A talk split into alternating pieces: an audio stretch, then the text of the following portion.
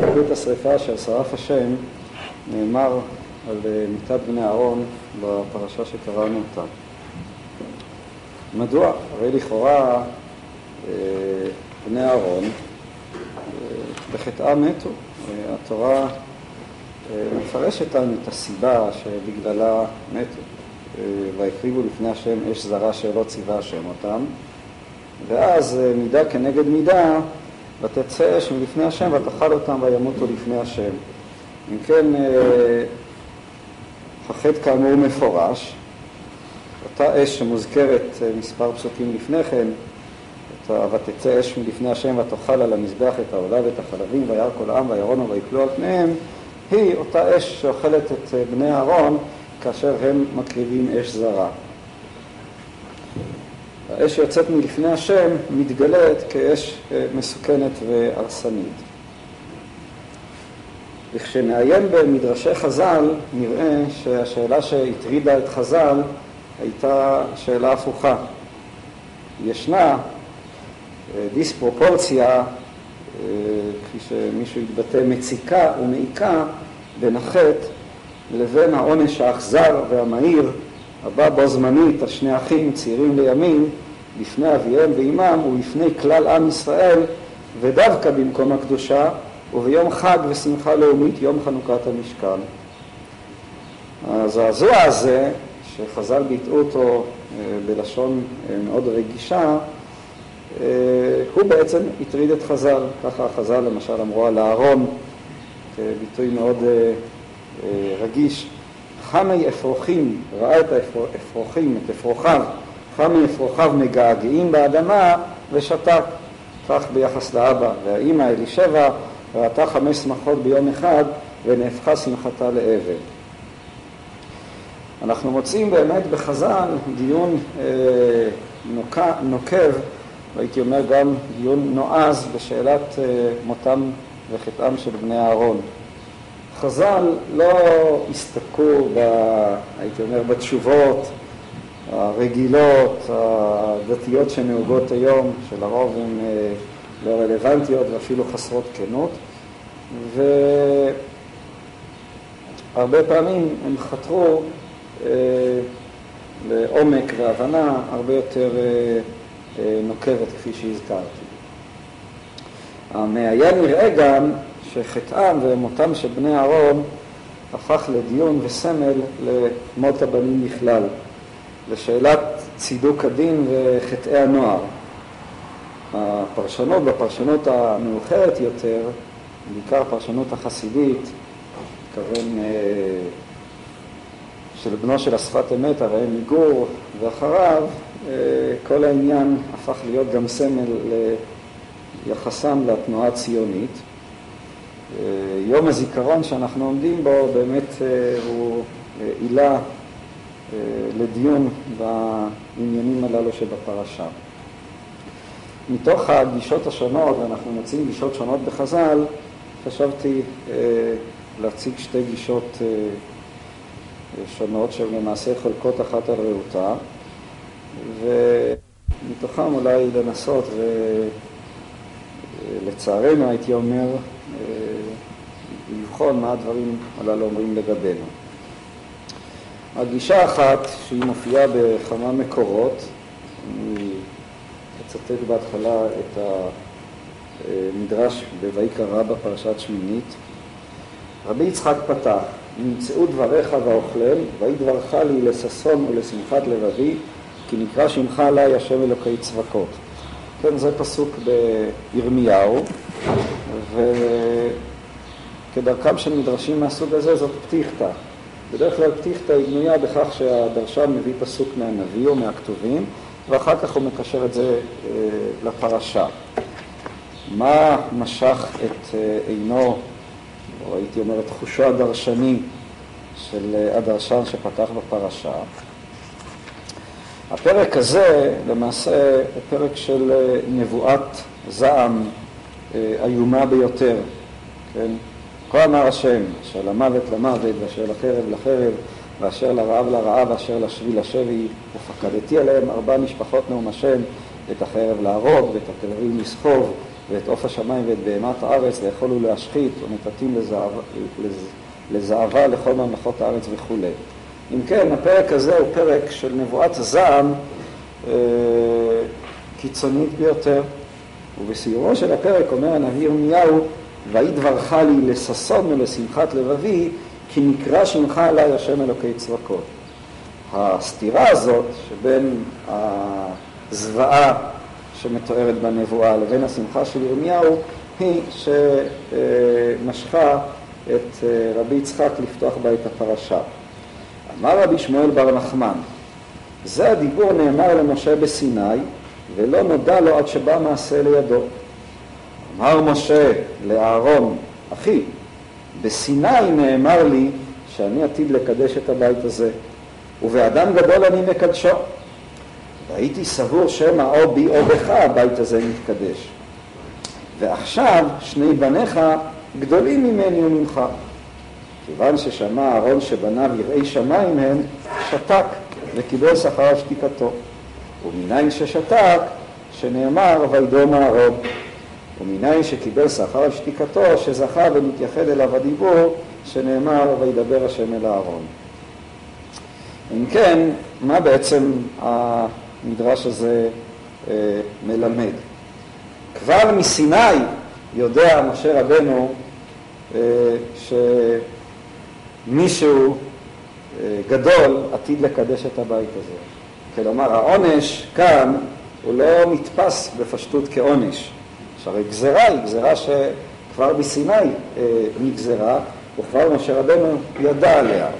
שריפת בני אהרון, וזה בעצם הפירוש שהמדרש נותן כאן, היא למעשה התנאי או האופן שבו מתקדש המשכן, שבו אה, אה, יורדת השכינה. צריך, כן, אה, כפי שאנחנו מוצאים בגמרא במסכת זבחים המקבילה, כן, ונקדש בכבודי, אל תקראי בכבודי אלא במכובדיי. זאת אומרת, הקדושה צריכה באיזשהו מקום לחול דווקא באמצעות אותה שריפה של הבנים, של בני אהרון. כל כך למה? מדוע אה, הקדושה חלה דווקא בצורה הזאת?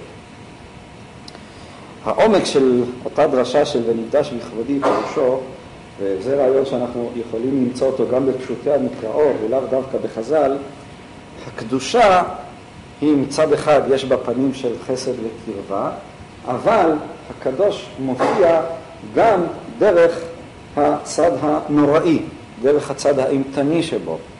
דווקא משום שהקדוש ברוך הוא הוא אינסופי, הוא קדוש, הוא נבדל, הוא עליון, הרי הופעתו פעמים רבות היא הופעה שדרך הפנים של הפחד, של האימה.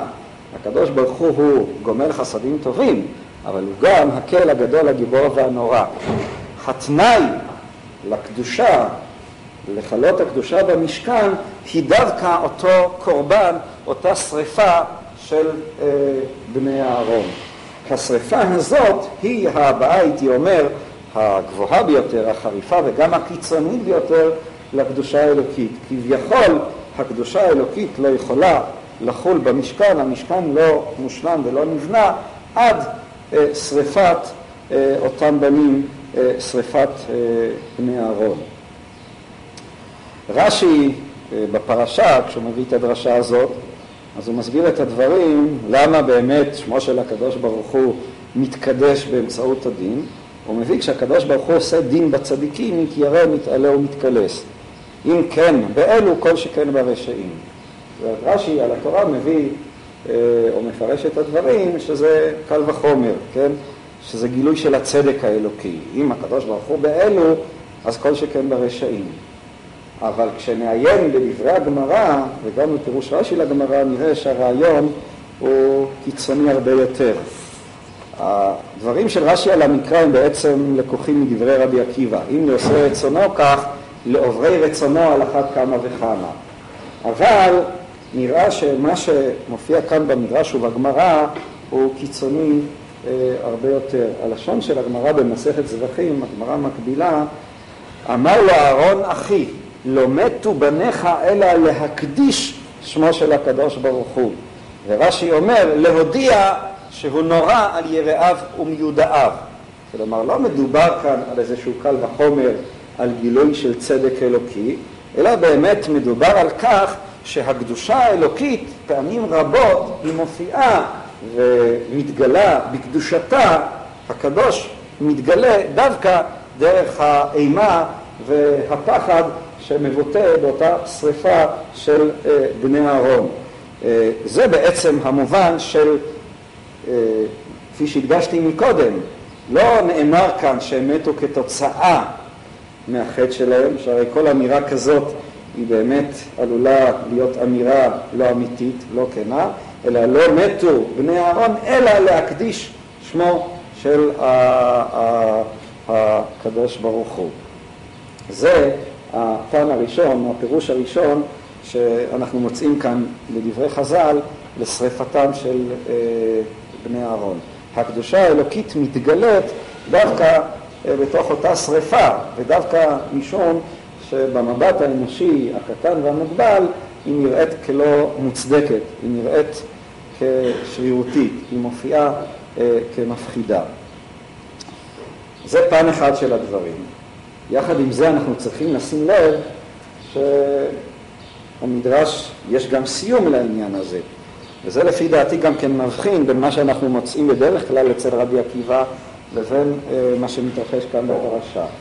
רבי עקיבא הוא שמח בייסורים.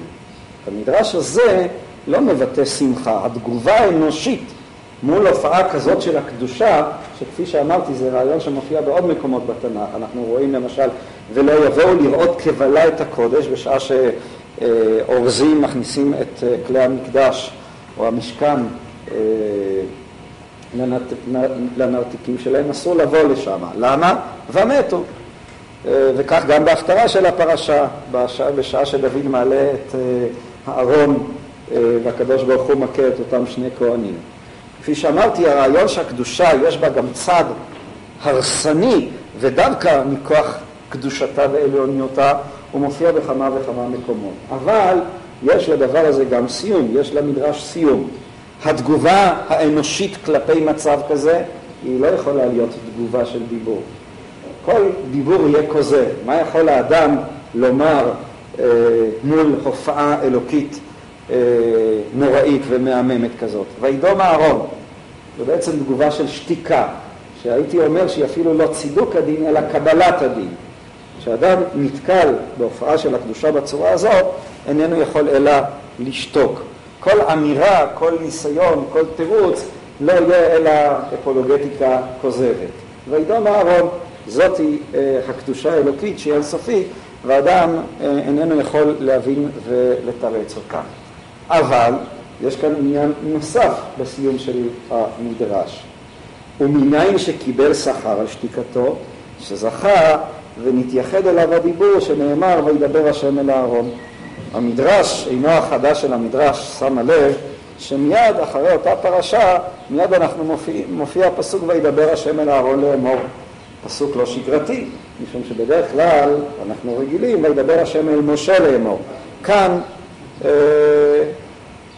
השתנתה, אה, יש כתובת אחרת, וידבר השם אל אהרון לאמור.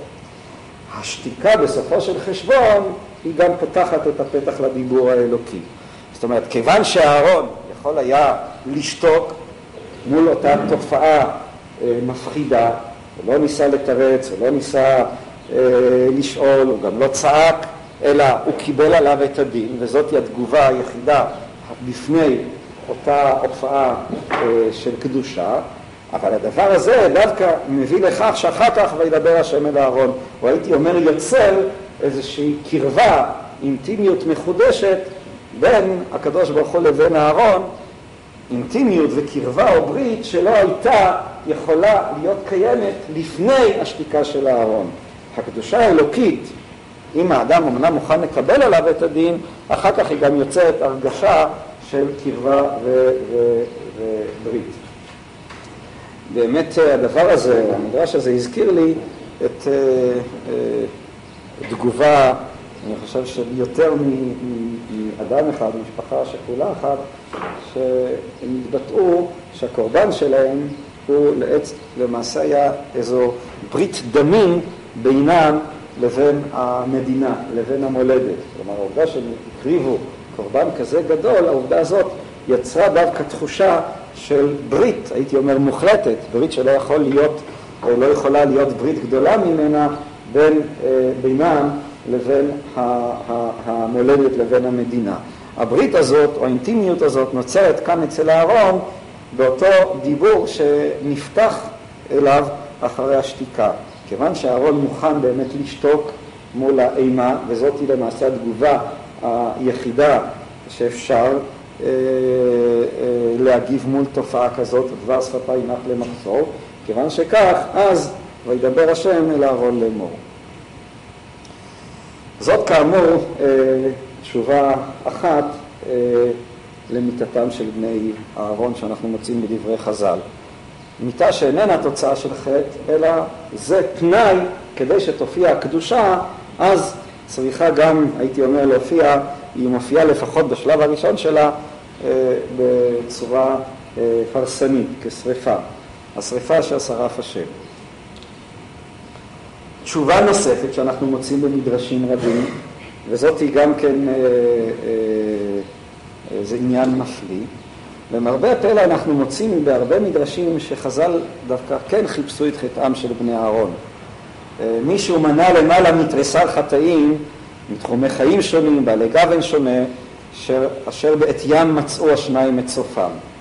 וכבר התוספות במסכת יומא בדף נ"ג העירו על זה, אה, כך לשונם, בתורת כהנים איכא פלוגתא דתנאי טובה, מה איתם ינוש? כלומר, כבר התוספות שמו לב לגיוון ולריבוי של הסיבות והנימוקים והחטאים שחז"ל מצאו בבני אהרון.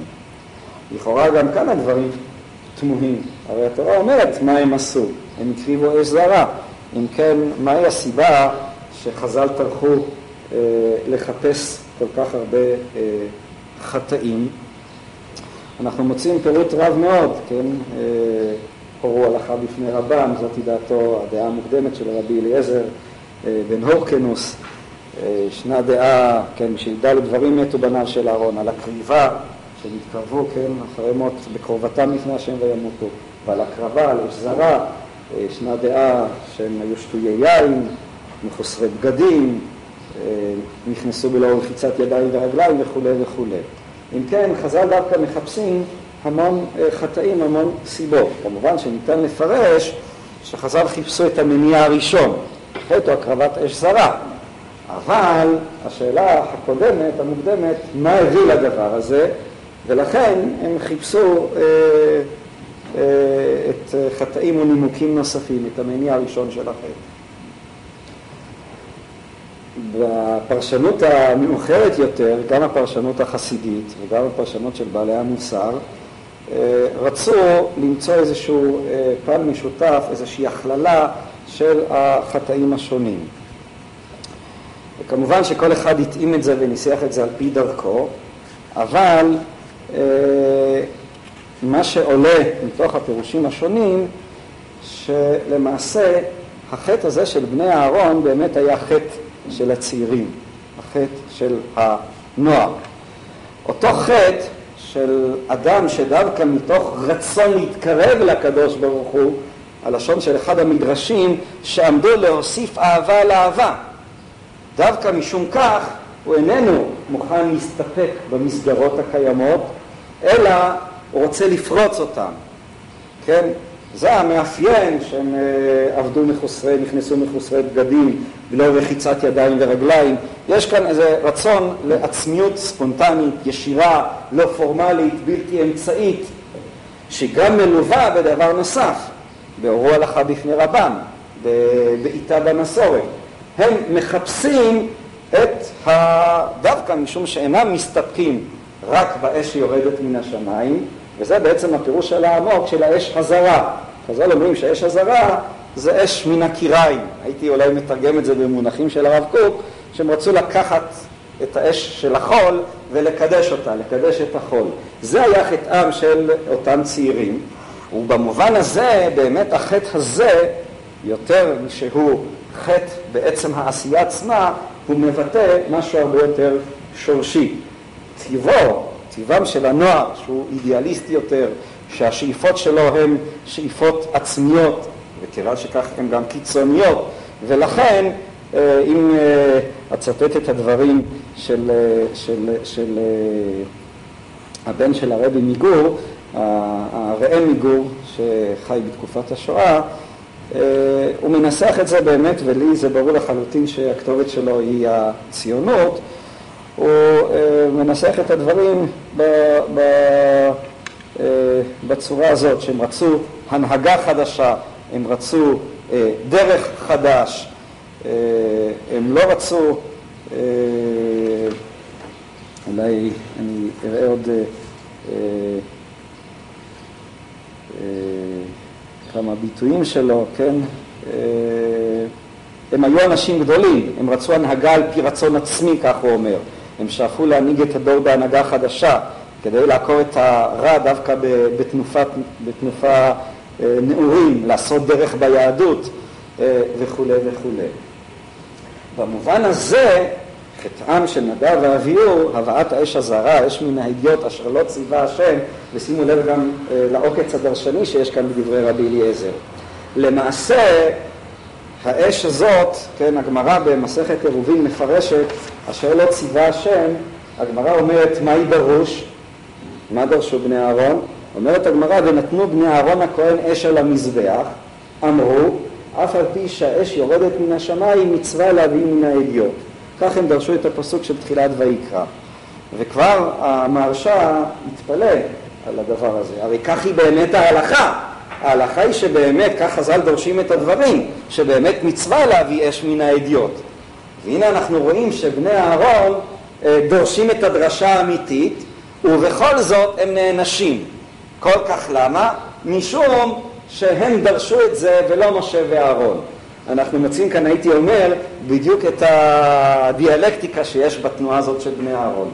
מצד אחד זאת היא באמת הדרשה וכך נפסק להלכה, אלא שכל זמן שהדרשה הזאת לא נדרשה על ידי משה ואהרון, אז באמת לא הייתה ככה ההלכה. רגע לפני שדרשו את זה, הדבר הזה היה אסור באיסור חמור, ולא עוד אלא שנענשו עליו בעונש מיתה. רגע אחרי שדרשו את הדבר הזה, זה שוב הופך להיות חלק מהמסורת. בני אהרון רוצים לפרוץ את הדרך.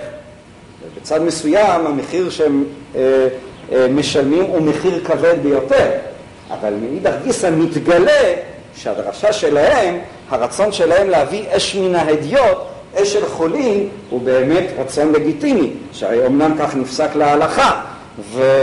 ו, ו, ו, ו וזה שהם הורו הלכה בפני רבם, בסופו של חשבון, אמנם ההוראה הזאת הייתה ההוראה הנכונה, אלא שהם אה, רצו לפרוץ את הדרך אה, בכוח.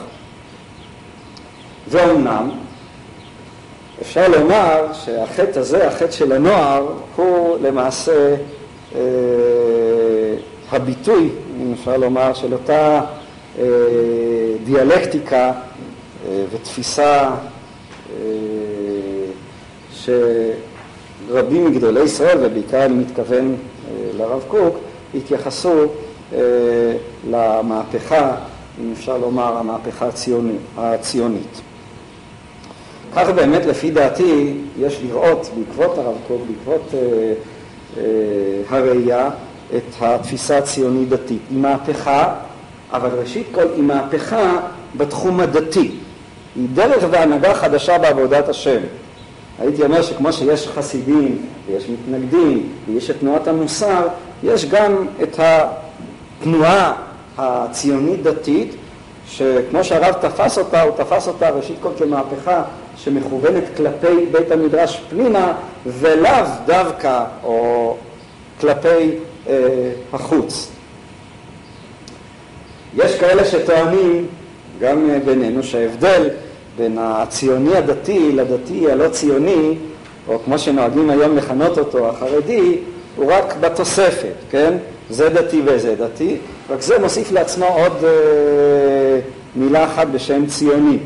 כן, המחלוקת בינינו לבין אה, שאר הישיבות, כך שמעתי פעם אחת מראשי ישיבות ההסדר, הינה מחלוקת הלכתית, היחס למדינה, וכן היחס לציונות החילונית, לחילונים וכן הלאה. יש מאידך גיסה שמקטרגים ואומרים שעל הציונות הדתית, כמו שאמר אחד מגדולי ישראל, זה מין עבודה זרה בשיתוף. אין לנו אלא תורה. כשאתה מוסיף לדתי עוד איזשהו כינוי ותואר, אה, אתה בכך מוסיף לעבודת השם משהו נוסף.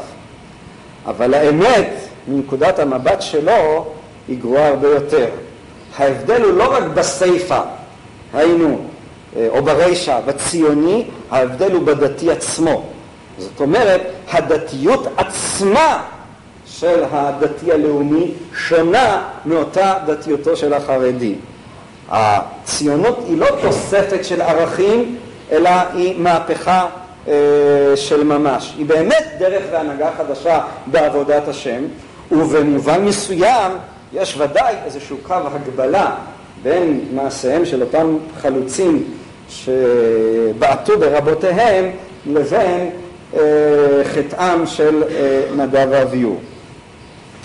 הרב אה, ביטא את אותה מהפכה, שכפי שאמרתי הוא ראה אותה ראשית כל כמהפכה דתית, שידוד המערכות הזה בצמדי מושגים רבים, מי שקצת בקיא בתורת הרב, תורת ארץ ישראל ותורת חוץ לארץ, האידאה האלוקית והאידאה הדתית, קדושה שהיא נגד הטבע וקדושה שהיא בתוך הטבע וכן הלאה וכן הלאה. למעשה התפיסות כאן הן נוגעות לשיטין האינטימיים ביותר של עיקרי האמונה ואין לנו ללכת אלא באמת אה, בעקבות הרועה הגדול אה, לכל הפחות בנקודה הזאת. כדי אה, להבין את הדברים אולי יש להקדים מספר מילים גם ביחס לציונות החילונית. זאת הציונות החילונית לא ראתה, לא הייתה וגם לא ראתה את עצמה בדרך כלל רק כתנועה פוליטית, כתנועה שכל עניינה הוא שחרור לאומי, הקמת מדינה או בית לאומי ותו לא. בדגשים חזקים יותר או פחות, והדבר נכון גם ביחס לציונות המדינית, ההרצליאנית, הייתה זו תנועה של גאולה במובן הדתי של המילה, אף על פי שהביטויים שלה היו חילונים. זו תנועה ששאפה לגאול את היהודי כפרט וככלל. התנגזו לתנועה הזאת זרמים רעיוניים שונים, אפילו סותרים, אם זה סוציאליסטים, מרקסיסטים, ליברליים, רומנטיים וכן הלאה וכן הלאה. אבל הייתה כאן שאיפה לגאולה במובן הגבוה של המילה. לא רק רצון ליצור חברה שוויונית וצודקת, אלא חברה שבה ייפלו המחיצות שבין אדם לאדם, שהיחסים החברתי, החברתיים יהיו הרבה יותר עמוקים, כנים, פשוטים וכולי וכולי. אותם מכתבים וכתבים של חלוצי העלייה השנייה בעיקר, הם מלאים בלבטים הללו בשאלות הניכור החברתי, הפתיחות האנושית וכולי וכולי. מזווית אחרת היה כאן גם רצון להתקשרות אחרת וראשונית עם הטבע, עם הטבע הארץ ישראלי כמובן, עם העבודה, יחס אחר לציוויליזציה, להיטהר ולהיגאל מאותה תלישות, פסיביות ומועקה שליוותה את הצעיר היהודי בגלות. דא שבאמת הגאולה הזאת היה בה יסוד חילוני עמוק אה, ביותר. אם אצטט את הדברים של אחד מהסופרים הציוניים של אז, נגאל את עצמנו על ידי עצמנו, כך הייתה סיסמתו. עבדים אנחנו ואת ליבנו נעבוד, אמר אה, אותו ברדצ'בסקי. אה, סליחה, עיוורים אנחנו ואת ליבנו נעבוד. עיוורים דייקה ולא יהודים. ומן הסתם הרב היה עונה על זה במדרש חז"ל, את ליבנו לעבוד, של אותו מדרש על הפסוק של אני ישנה וליבי ער, שהקדוש ברוך הוא ליבם של ישראל.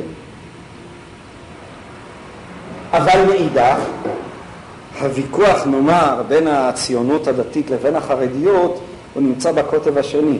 אותו ויכוח של גאולה ניסית מול גאולה טבעית הוא, הוא למעשה וריאציה של גאולת עצמנו על ידי עצמנו של הציונות החילונית. מה אני מתכוון לומר בדברים הללו? אולי אקרא משפט של הרב. לשחרר את האדם על ידי התעלותו, על ידי התפתחותו, בגילוי כל כישרונותיו הפנימיים, זאת היא מגמתו. זה ביטוי שכתוב באורות הקודש. הוא לא כתוב, הוא לא מניפסט של השומר הצעיר, אלא הוא נאמר באורות הקודש של הרב.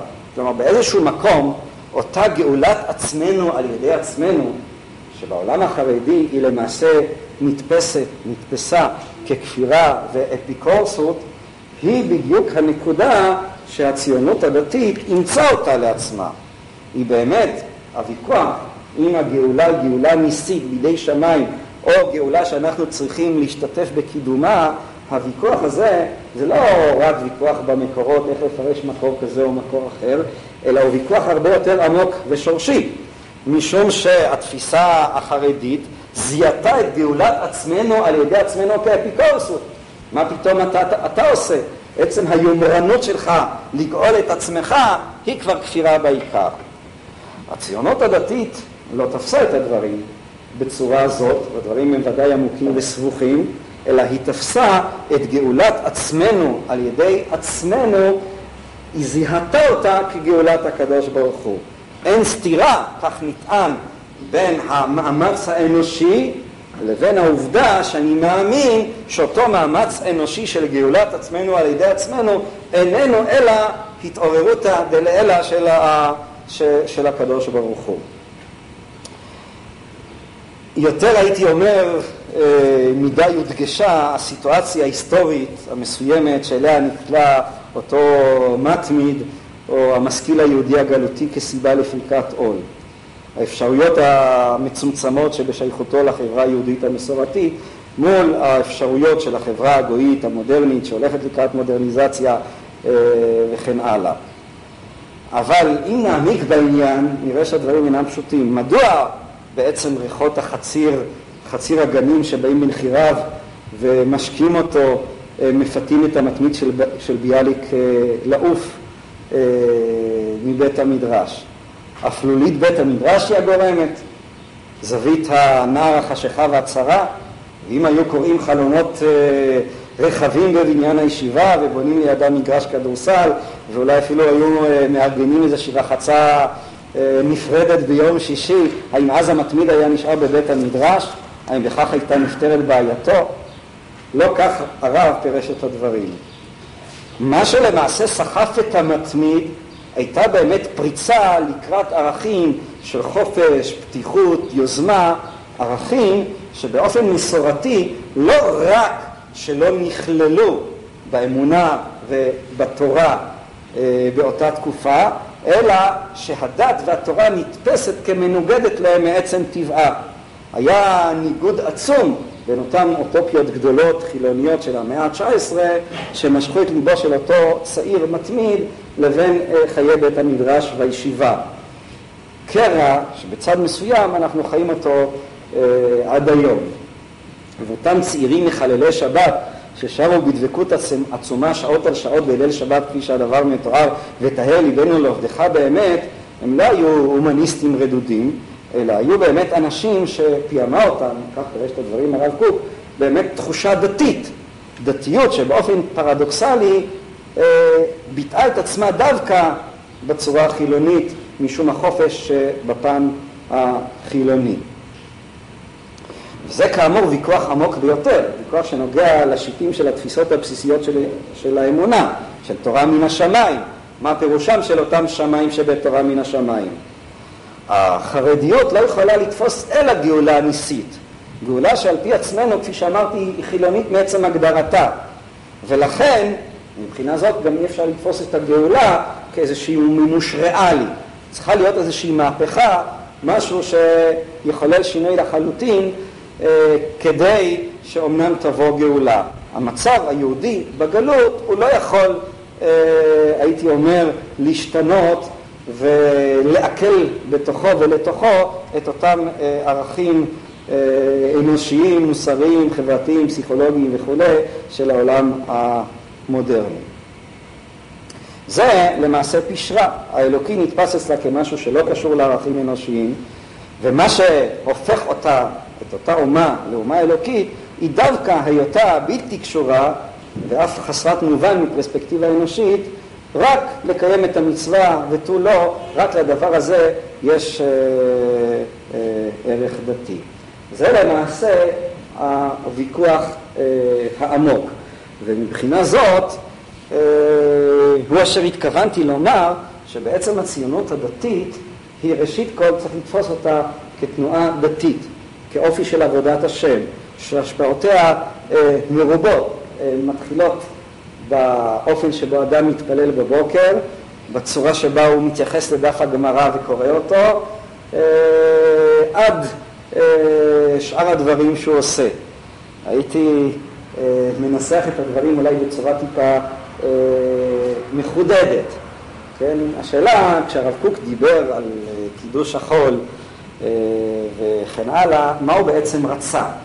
האם הוא רצה שאותו מושבניק שיושב על הטרקטור ירגיש כמו בחור ישיבה שמניח תפילין, או שמא הוא רצה שבחור הישיבה שמניח תפילין ירגיש כמו המושבניק שרוכב על הטרקטור. כך הייתי מנסח את השאלה. והתשובה לפי דעתי היא איננה פשוטה, הוא רצה את שני הדברים כאחד.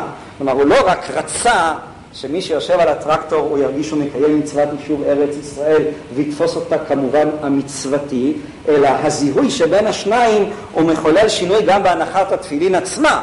הוא רצה שהנחת התפילין עצמה תיתפס כערך בעל אופקים הרבה יותר רחבים, אוניברסליים, שלמעשה האדם שעובד את השם ומקיים מצוות, למעשה יתפוס את עצמו כפועל בעולם הריאלי הממשי, בערכיות האובייקטיבית בו, בדיוק כמו אדם שחורש אדמה, בונה את הארץ וכן הלאה וכן הלאה. הדבר הזה הוא שינוי בצד הדתי, בצד התורני, לא פחות מאשר שינוי בצד הציוני. זה בעצם המשמעות לפי דעתי בסופו של חשבון העמוקה הראשונית והבסיסית של התפיסה הדתית הציונית, וכמו שאמרתי זה בעצם מתרחב על, הספק, על הספקטרום כולו. זה לא רק שאלה הלכתית איך להתייחס לחילוני והאם לשתף איתו פעולה והאם ללכת לצבא, אלא זאת שאלה שהיא מתחילה ראשית כל בבית המדרש עצמו. איך אתה לומד את הגמרא, מה פירושה של התפילה, מהו ייעודו של היהודי, מה אתה בעצם עושה כאן בישיבה. וכאמור, בצד הזה היה איזה צד של פריצה, זהו חטא של הנוער. החטא הזה שבעצם דווקא מתוך אהבת השם, מתוך רצון לקרבת השם אינסופית, אז הוא מורה הלכה בפני רבו. ואי אפשר להתכחש לעובדה שהיה כאן פן של הוראה בפני רבו. הדברים נכונים ביחס לציונות החילונית ודאי, שזה לא רק הוראה אלא בעיטה, רחמנא ליצלן ברבו. אבל, אבל זה נכון גם ביחס לציונות הדתית, שהייתה כאן איזו פריצה, פריצה שהיא דווקא פריצה אידיאליסטית, אבל ללא ספק פריצה שהיא רוצה באיזשהו מקום אה, לשנות ולפרוץ את המסגרות הרגילות, דווקא מתוך רצון לאהבת השם, לקרבת השם אה, וכן הלאה וכן הלאה. גם לפריצה, כמו שאמרתי, יש לה מחיר יקר. יתגלה אמנם שדרשת בני אהרון היא דרשה נכונה, מצווה להביא אש מן האדיוט, צריך לקחת אש מן הקיריים ולשים אותה על המזבח, זה המושג של קידוש החול, אבל מצד שני יש גם כן סכנה בדבר, אותה אש שיוצאת מלפני השם, אבל היא בעצם הופכת להיות האמצעי לקידוש המשכן והמקדש. אלא שלכאורה הדברים הללו יכול מישהו לבוא ולטעון שהדברים שאני מדבר עליהם למעשה הם כבר אנכרוניזם מיושן. יום העצמאות דהשתא, זה אני חושב כל אחד אה, מהנוכחים מרגיש, אינו דומה יותר על כן, כל התפיסה הציונית דתית היום היא מותקפת ביותר מכל האגפים כולם. האם ניתן בסיטואציה של המדינה כפי שהיא היום, מתוך הרוח והאווירה ששוררת אה, בתקופה שמגדירה את עצמה כפוסט-ציונית, שלמעשה רואה את הצלחתה העיקרית של הציונית, של הציונות בנרמול העם היהודי, שפירושו, לפי אותה דעה, התפרקות מהמסורת היהודית, שרוצה לבנות דמות של אדם לא יהודי קוסמופוליטי, האם עדיין בכלל אפשרי בעולם כזה, במסגרת כזאת, להניף את הדגלים הציוניים הדתיים? יש באמת שטוענים שהמאורעות האחרונים הסיטואציה הפוליטית והתרבותית שהמדינה נמצאת בתוכה, היא בעצם הפרחתה של הציונות הדתית. מצד אחד, היום הציבור שלנו מרגיש את עצמו כציבור המותקף ביותר, בכל האגפים כולם, ואני לא מדבר דווקא בצד הפוליטי או הביטחוני, אלא ראשית כל בצד הרוחני והתרבותי. ומצד שני, גם החרדים אה, באיזשהו מקום אה, אומרים לנו איזה מין אמירה, הנה, אמרנו לכם. עד כדי כך שאפילו אנשים שבתוך המחנה שלנו אומרים, אנחנו צריכים לחזור ולכרות ברית עם החרדים ולא עם החילונים שממילא הפרו את אותה ברית.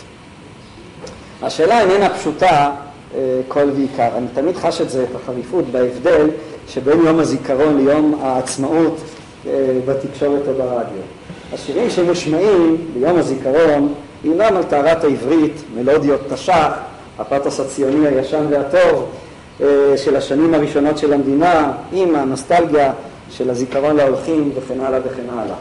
אבל צפירת סיום יום הזיכרון והתחלת יום העצמאות משנה, הייתי אומר, את כל ישראל כבמטה קסם. פתאום כל ישראל הופך להיות איזו תחנת רדיו אמריקאית אה, זולה על בדרניה ומקצביה, אפילו חידון התנ"ך הוא מצטנג והולך, אה, מתוכנית הלימודים הוא כבר אה, יוצא, וגם ביום העצמאות הוא, בתקשורת לפחות, הוא נדחק והולך. וזאת היא באמת השאלה. הדילמה, כפי שהיא מוצגת לפנינו היום, והנקודה הזאת אולי יוצא לסיים איתה, היא בעצם דילמה של או ימין או שמאל. כך היא מוצגת גם ימין וגם משמאל. והיא באמת דילמה, שאלה שהיא מאוד אכזרית ובלתי אפשרית. משמאל טוענים שהתנאי לשלום אמיתי הוא באמת איזושהי יצירת תודעה קוסמופוליטית אה, שמכירה הוא באמת רידוד ושיטוח של האישיות הלאומית של העומק האישי בכלל. אה, הייתי אפילו אומר באופן עוקצני שיורשי הציונות, אותם פוסט-ציונים, הם הופכים יותר ויותר למה שהיה פעם הסטריאוטיפ של היהודי הגלותי, הקפיטליסט הזריז והאינטרנציונלי, איזה סוחר חסר שורשים שאין לו מולדת ולכל העולם ומקומו. הרי כבר uh, הכריזו על האידיאל הציוני החדש, שהוא הפיתוח הכלכלי של המזרח התיכון.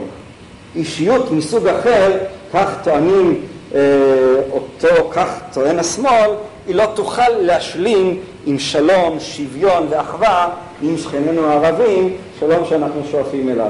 לכן האישיות היחידה שתוכל לשאת עליה או להכיל בתוכה את השלום היא אותה אישיות שתיארתי מקודם. אבל הריאקציה הימנית, הדתית, היא לא מאחרת לבוא.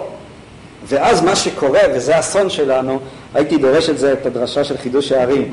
חידוש הערים מסביר על הפסוק וירא אותנו המצרים, שהחטא הגדול של מצרים הוא בכך שהוא הפך אותנו לרעים. וזה אני, אם אני חושב שהחטא הגדול של השמאל הוא וירא אותנו. משום שהצד הימני דתי, הוא, התגובה שלו, הריאקציה שלו לא מאחרת לבוא. היא מתקשחת לאיזו אידיאולוגיה נוקשה, לפונ...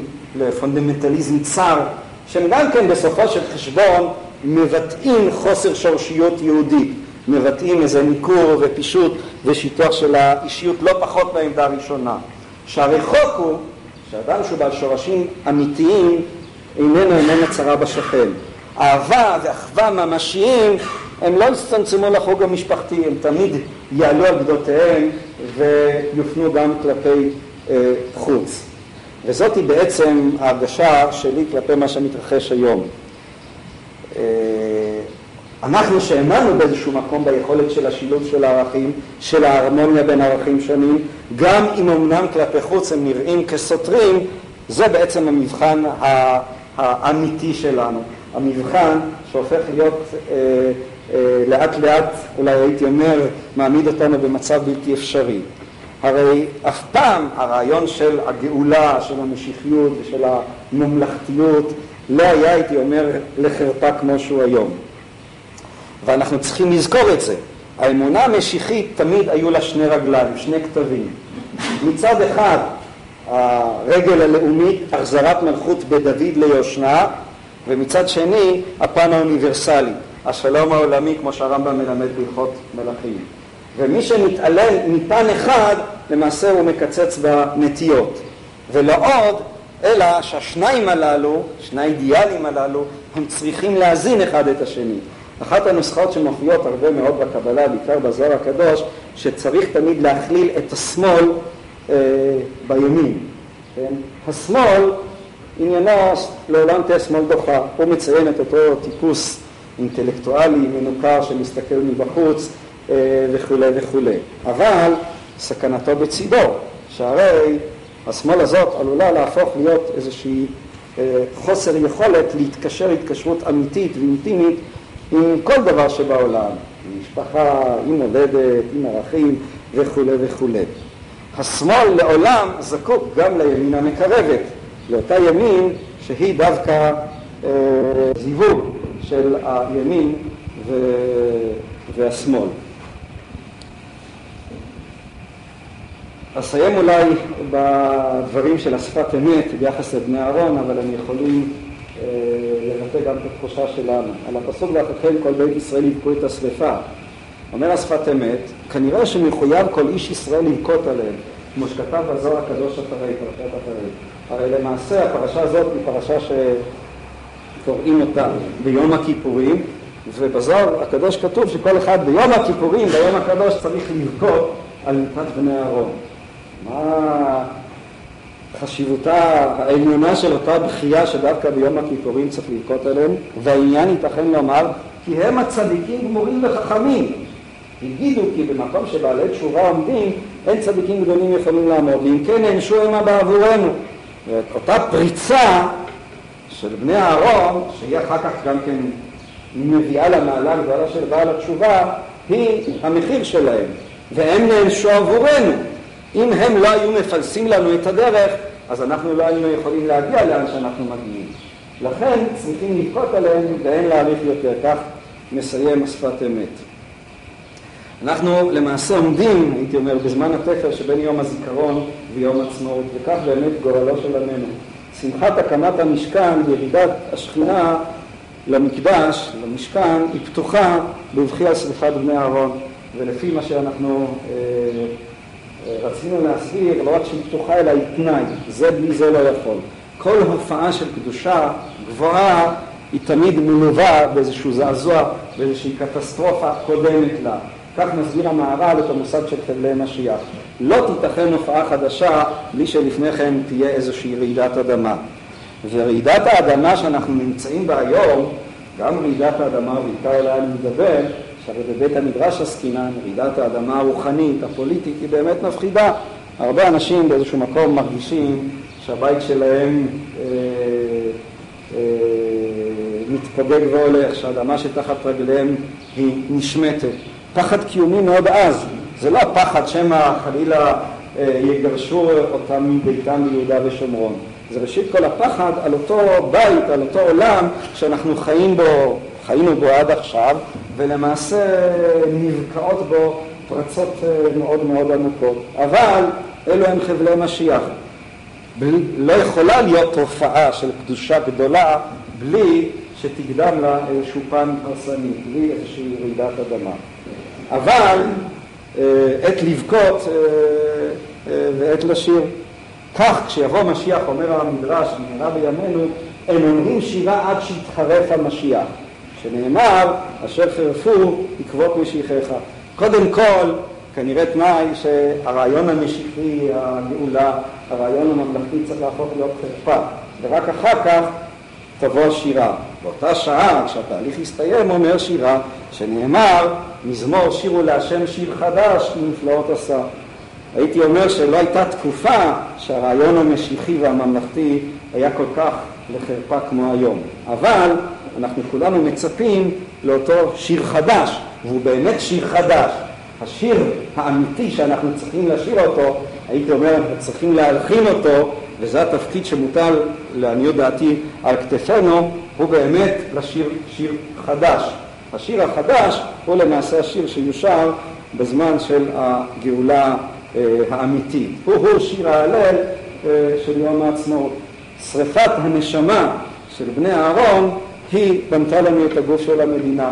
ואיך שלא תתייחס למדינה, ואיך שלא תסתכל עליה, ואיזה בעיות שהיא לא תעורר, הרי רק אדם שהוא סומה לחלוטין לא יחוש בעצם הקיום הפיזי של המדינה את החסד האלוקי הגדול.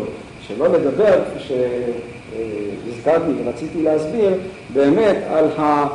הייתי אומר, האופציות הרוחניות העצומות והנפלאות שנפתחות בפנינו דווקא עם קיומה וקימומה של מדינת ישראל, וזהו כאמור תוכנו של אותו שיר חדש, שבעזרת השם אנחנו גם נלחין וגם נשיר ונמשיך לשיר אותו.